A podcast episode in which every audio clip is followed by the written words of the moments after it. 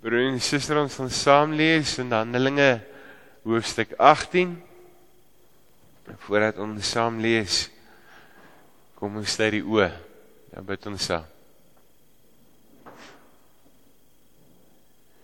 Here, as ons kom saam sing, Gees van God wat in my woon, breek die woord vir my. Here, is dit met 'n hart wat in 'n diepe afhanklikheid uitroep, Here, vir die teenwoordigheid. Is dit 'n hart wat uitroep Here dat U U woord vir ons sal oopbreek. Vir ons sal krag gee Here daardeur, maar ons ook sal oproep en uitstuur. Ek kom vra dit Here in U naam. Amen. Ons saam lees in Handelinge hoofstuk 18 en ons vers 1 tot 3 lees dan net so 'n stukkie verder van vers 24 tot 28. Hierna het Paulus Athene verlaat en na Korinte toe gegaan. Daar het hy vir Aquila, 'n Jood wat in Pontus gebore is, ontmoet. Hy het kort tevore saam met sy vrou Priscilla uit Italië daar aangekom nadat keiser Claudius beveel het dat al die Jode dat al die Jode Rome moet verlaat. Paulus het hulle gaan opsoek en omdat hulle net soos hy tentmakers van beroep was, het hy by hulle ingetrek en saam met hulle gewerk.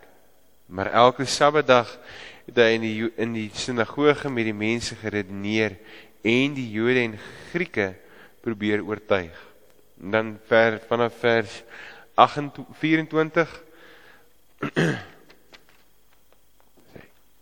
Hulle vers 24 lees ons Intussen het daar 'n Jood met die naam Apollos wat in Alexandrië gebore is en Efese aangekom. Hy was 'n begaafde spreker met 'n deeglike kennis van die skrif. Hy het in die leer van die Here onderrig ontvang en het met groot geesdrift gepraat en aan ander noukeurig alles oor Jesus geleer. Maar die doop waarvan hy geweet het, was nie die doop van was net die van Johannes. Hy het met vrymoedigheid in die sinagoge begin preek toe Priscilla en Aquila hom hoor. Het hulle hom huis toe geneem en vir hom die leer van God nog duideliker gemaak. Toe Apollos na Gaia toe wou gaan, het hy die gelowiges het die gelowiges hom aangemoedig en vir hom 'n brief saamgeneem daarmee gegee aan die gelowiges daar om te versoek dat hulle hom vriendelik moet ontvang. Daar aangekom was hy tot groot hulp vir die wat deur die genade van God gelowig geword het, want hy het die Jode in die openbaar kragtig weer lê en uit die skrif bewys dat Jesus die Christus is. Tot sover ons skriflesing. Dan die laaste gedeelte is in 1 Korintiërs van uh, 16 waar ons weer van Aquila en Priscilla lees, die gemeente van die provinsie Asië stuur vir stuur vir julle groete van Aquila en Priscilla en ook van die gemeente wat gereeld in die hui, in hulle huis bymekaar kom. Baie groete in die Here. As ons begin wil ek begin by Albert Einstein. Nou maar ons weet almal wie Albert Einstein is, glo ek. Hy was die die ou wat vir ons 'n klomp wette geleer het in ehm um, wetenskap onder andere het hy die ontdekking van uh die relativiteitswet on, ontdek as ek reg kan onthou. Wie is die wetenskap juffrou nou weer? Meneer ek weet nie ek hoop ek is reg. As ek nie reg is nie trek vir my punte af. Maar Albert Einstein was 'n bekende fisikus gewees en in sy manier van leef het hy 'n groot bydrae gelewer tot die wetenskap. Hy was onder andere by Princeton Universiteit. En die interessante deel van van sy van sy werk is dat toe Princeton hom wou vereer deur vir hom 'n standbeeld of 'n plaatjie op te rig vir sy bydrae het hy die volgende gesê: "Grootheid is nie selfgerig nie. Jy is self nooit die middelpunt nie. Maar as ons daai woorde vat en ons dra dit oor na die gedeeltes wat ons saam gelees het, ontmoet ons vir Aquila en Priscilla. Die drie gedeeltes wat ons saam gelees het, Handelinge 1 ag en Handelinge 18 vers 1 en dan so aan die einde van Handelinge 18 en in 1 Korintiërs is die drie gedeeltes wat ons saam lees wat ons van hierdie twee persone hoor. Dis nie regtig invloedryke mense nie. Dis nie regtig mense wat in die hooflig wou staan nie.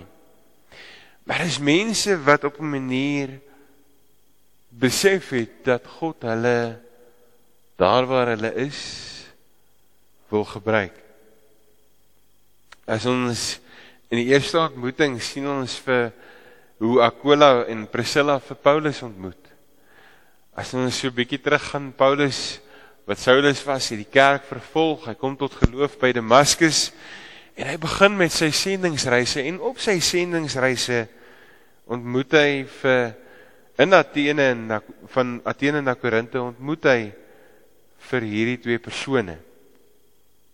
Hulle was bekwame leerloeiers, Hulle was ouens wat wat ook tente gemaak het net soos Paulus fisies tente met die hand regmaak het. Dit was die dagtaak. Dit was die geleentheid gewees waarmee hulle geld geïn het, waarmee Paulus ook dan geld geïn het vir sy sendingsreise, vir sy werk wat hy moes doen. En hy het vir 18 maande by hulle gebly. Nou hoe hulle daar opgeëindig het, as ons nou reg kan onthou het ons gehoor van keiser Claudius. Nou maar Claudius het hierso so in die 50er jare net na Christus het hy het hy die Jode verban saam met die Christene van die tyd. En die rede was dat daar die heeltyd oproerings was tussen die Jode en die Christene. Die Jode het die Christene uitgekry as sketters En veral omdat hulle wortels juis uit die Joodse geloof ontstaan het, het hulle vir hierdie regering van die tyd dit nogal redelik moeilik gemaak. En is hulle uit Rome verban en kom Aquila en Priscilla in Korinte aan waar hulle aktief besig is in die gemeente. En in 'n besondere sin ontmoet hulle vir Paulus. So wat ek gesê het, Paulus het by hulle tuis gegaan en al drie van hulle het bedag stente gemaak. En in die 18 maande wat Paulus daar gebly het, het hy vir die kerk in Korinte ongelooflik baie beteken. Ons kan op 'n manier sê dat Aquila en Priscilla instrumenteel deel was van Paulus se bediening. Hulle gasvryheid, hulle ondersteuning het dit moontlik gemaak dat Paulus die groot taak wat God vir hom gegee het kon uitvoer.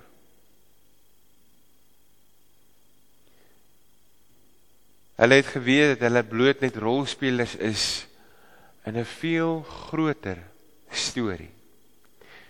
Nou as ons dit so vir 'n oomblik by parkeer en ons kyk na Apollos, lees ons 'n paar keer van Apollos ook in die Bybel. Apollos wat na ehm um, nadat nadat Aquila en Priscilla in in in in uh, Korinthe was, het hulle weer getrek na Efesië na Efese toe waar hulle weer 'n keer by die gemeente betrokke geraak het. En in hierdie gemeente ontmoet hulle vir Apollos, maar Apollos het vanuit Alexandrië gekom. Dit is 'n klomp geskiedenis, maar dit dra dit dit dra by. Alexandrië hier bo in Egipte wat die kennis wat die wysheidsleer van die dag by geleer is, wat die teologie van die dag by geleer is. En Apollos het kennis gehad, maar hy het net beperkte kennis gehad. En Aquila en Priscilla vat hierdie ou onder die vleuel en hulle sê vir hom kom. Hulle dra by, hulle help hom en hy ontvang die volkomme leer. Hy leer wie en wat Christus is. En op 'n manier weer word hierdie twee persone gebruik om die evangelie uit te dra. In Efese sien ons hoe Apollos die bygedra het vir die werk in die evangelie. En hy is daarna uitgestuur en hy was 'n kragtige instrument in die Here se hand. As ons na hierdie twee persone kyk, sien ons dat 'n ou op 'n manier aan die een kant dankbaar is, maar ook aan die ander kant verwonderd oor hoe God hulle gebruik het.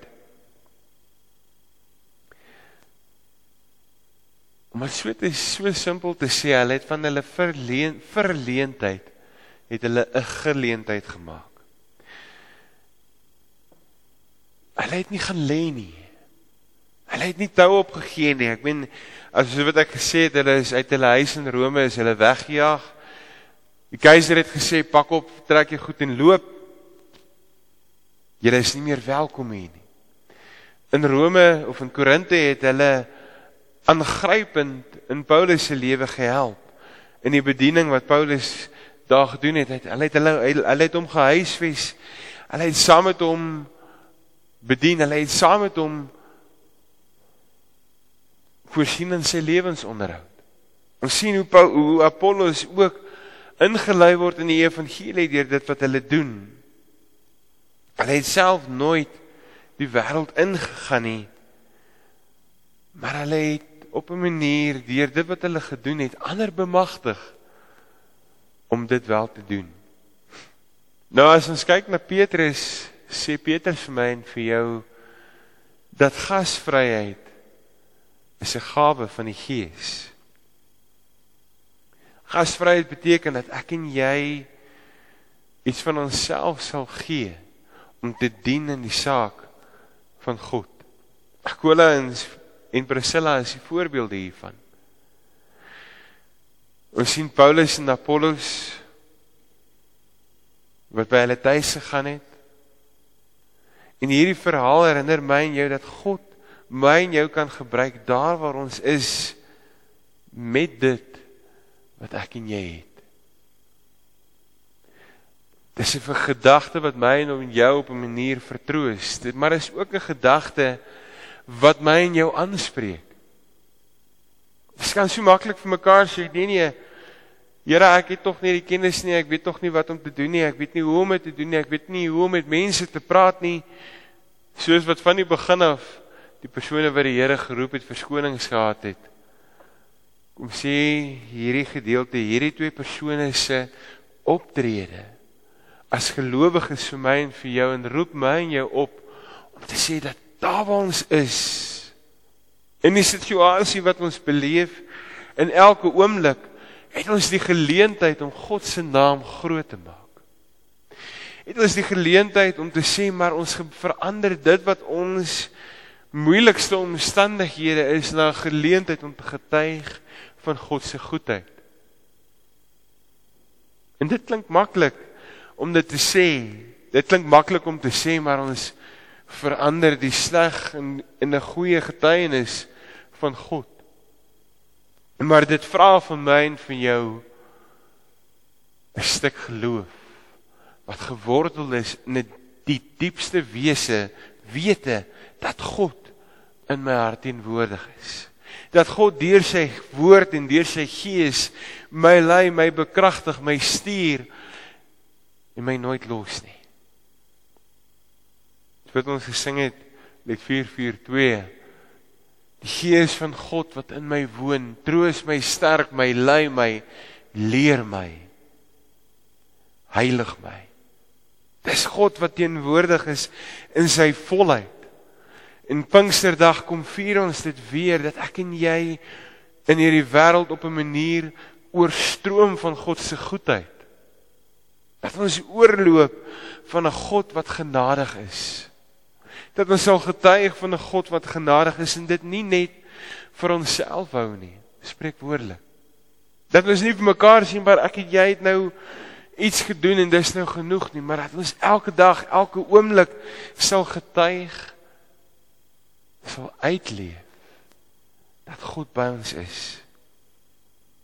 Ek geloof hierdie geloof vra vir my dat ek en jy sal optree. Dat ek en jy soms goed sal doen wat vir ons moeilik is. Dat ek en jy sal uitreik na die vreemdeling, na die wese, na die weduwee. Dat ek en jy op soek sal wees na God se wil. Dat ons soos Matteus 6:33 sê sal weet dat God met ons is, dat ek en jy God sal soek, dat ons sal weet dat hy vir ons sorg. Met dit in gedagte kyk ons ook na die nagmaal. Kom dink ons aan die nagmaal wat vir my en vir jou 'n fees van dankbaarheid is vir God wat kom toetree in ons lewe. Vir God wat kom intree in ons omstandighede. Is dit 'n is dit 'n vrees 'n fees van wat vir ons waarborg dat God met ons is. En mag ek en jy broer en suster daarin vashou. Mag ek en jy bekragtig word deur God wat sy grootheid en sy genade vir my en vir jou kom gee. Amen. Kom ons bid saam.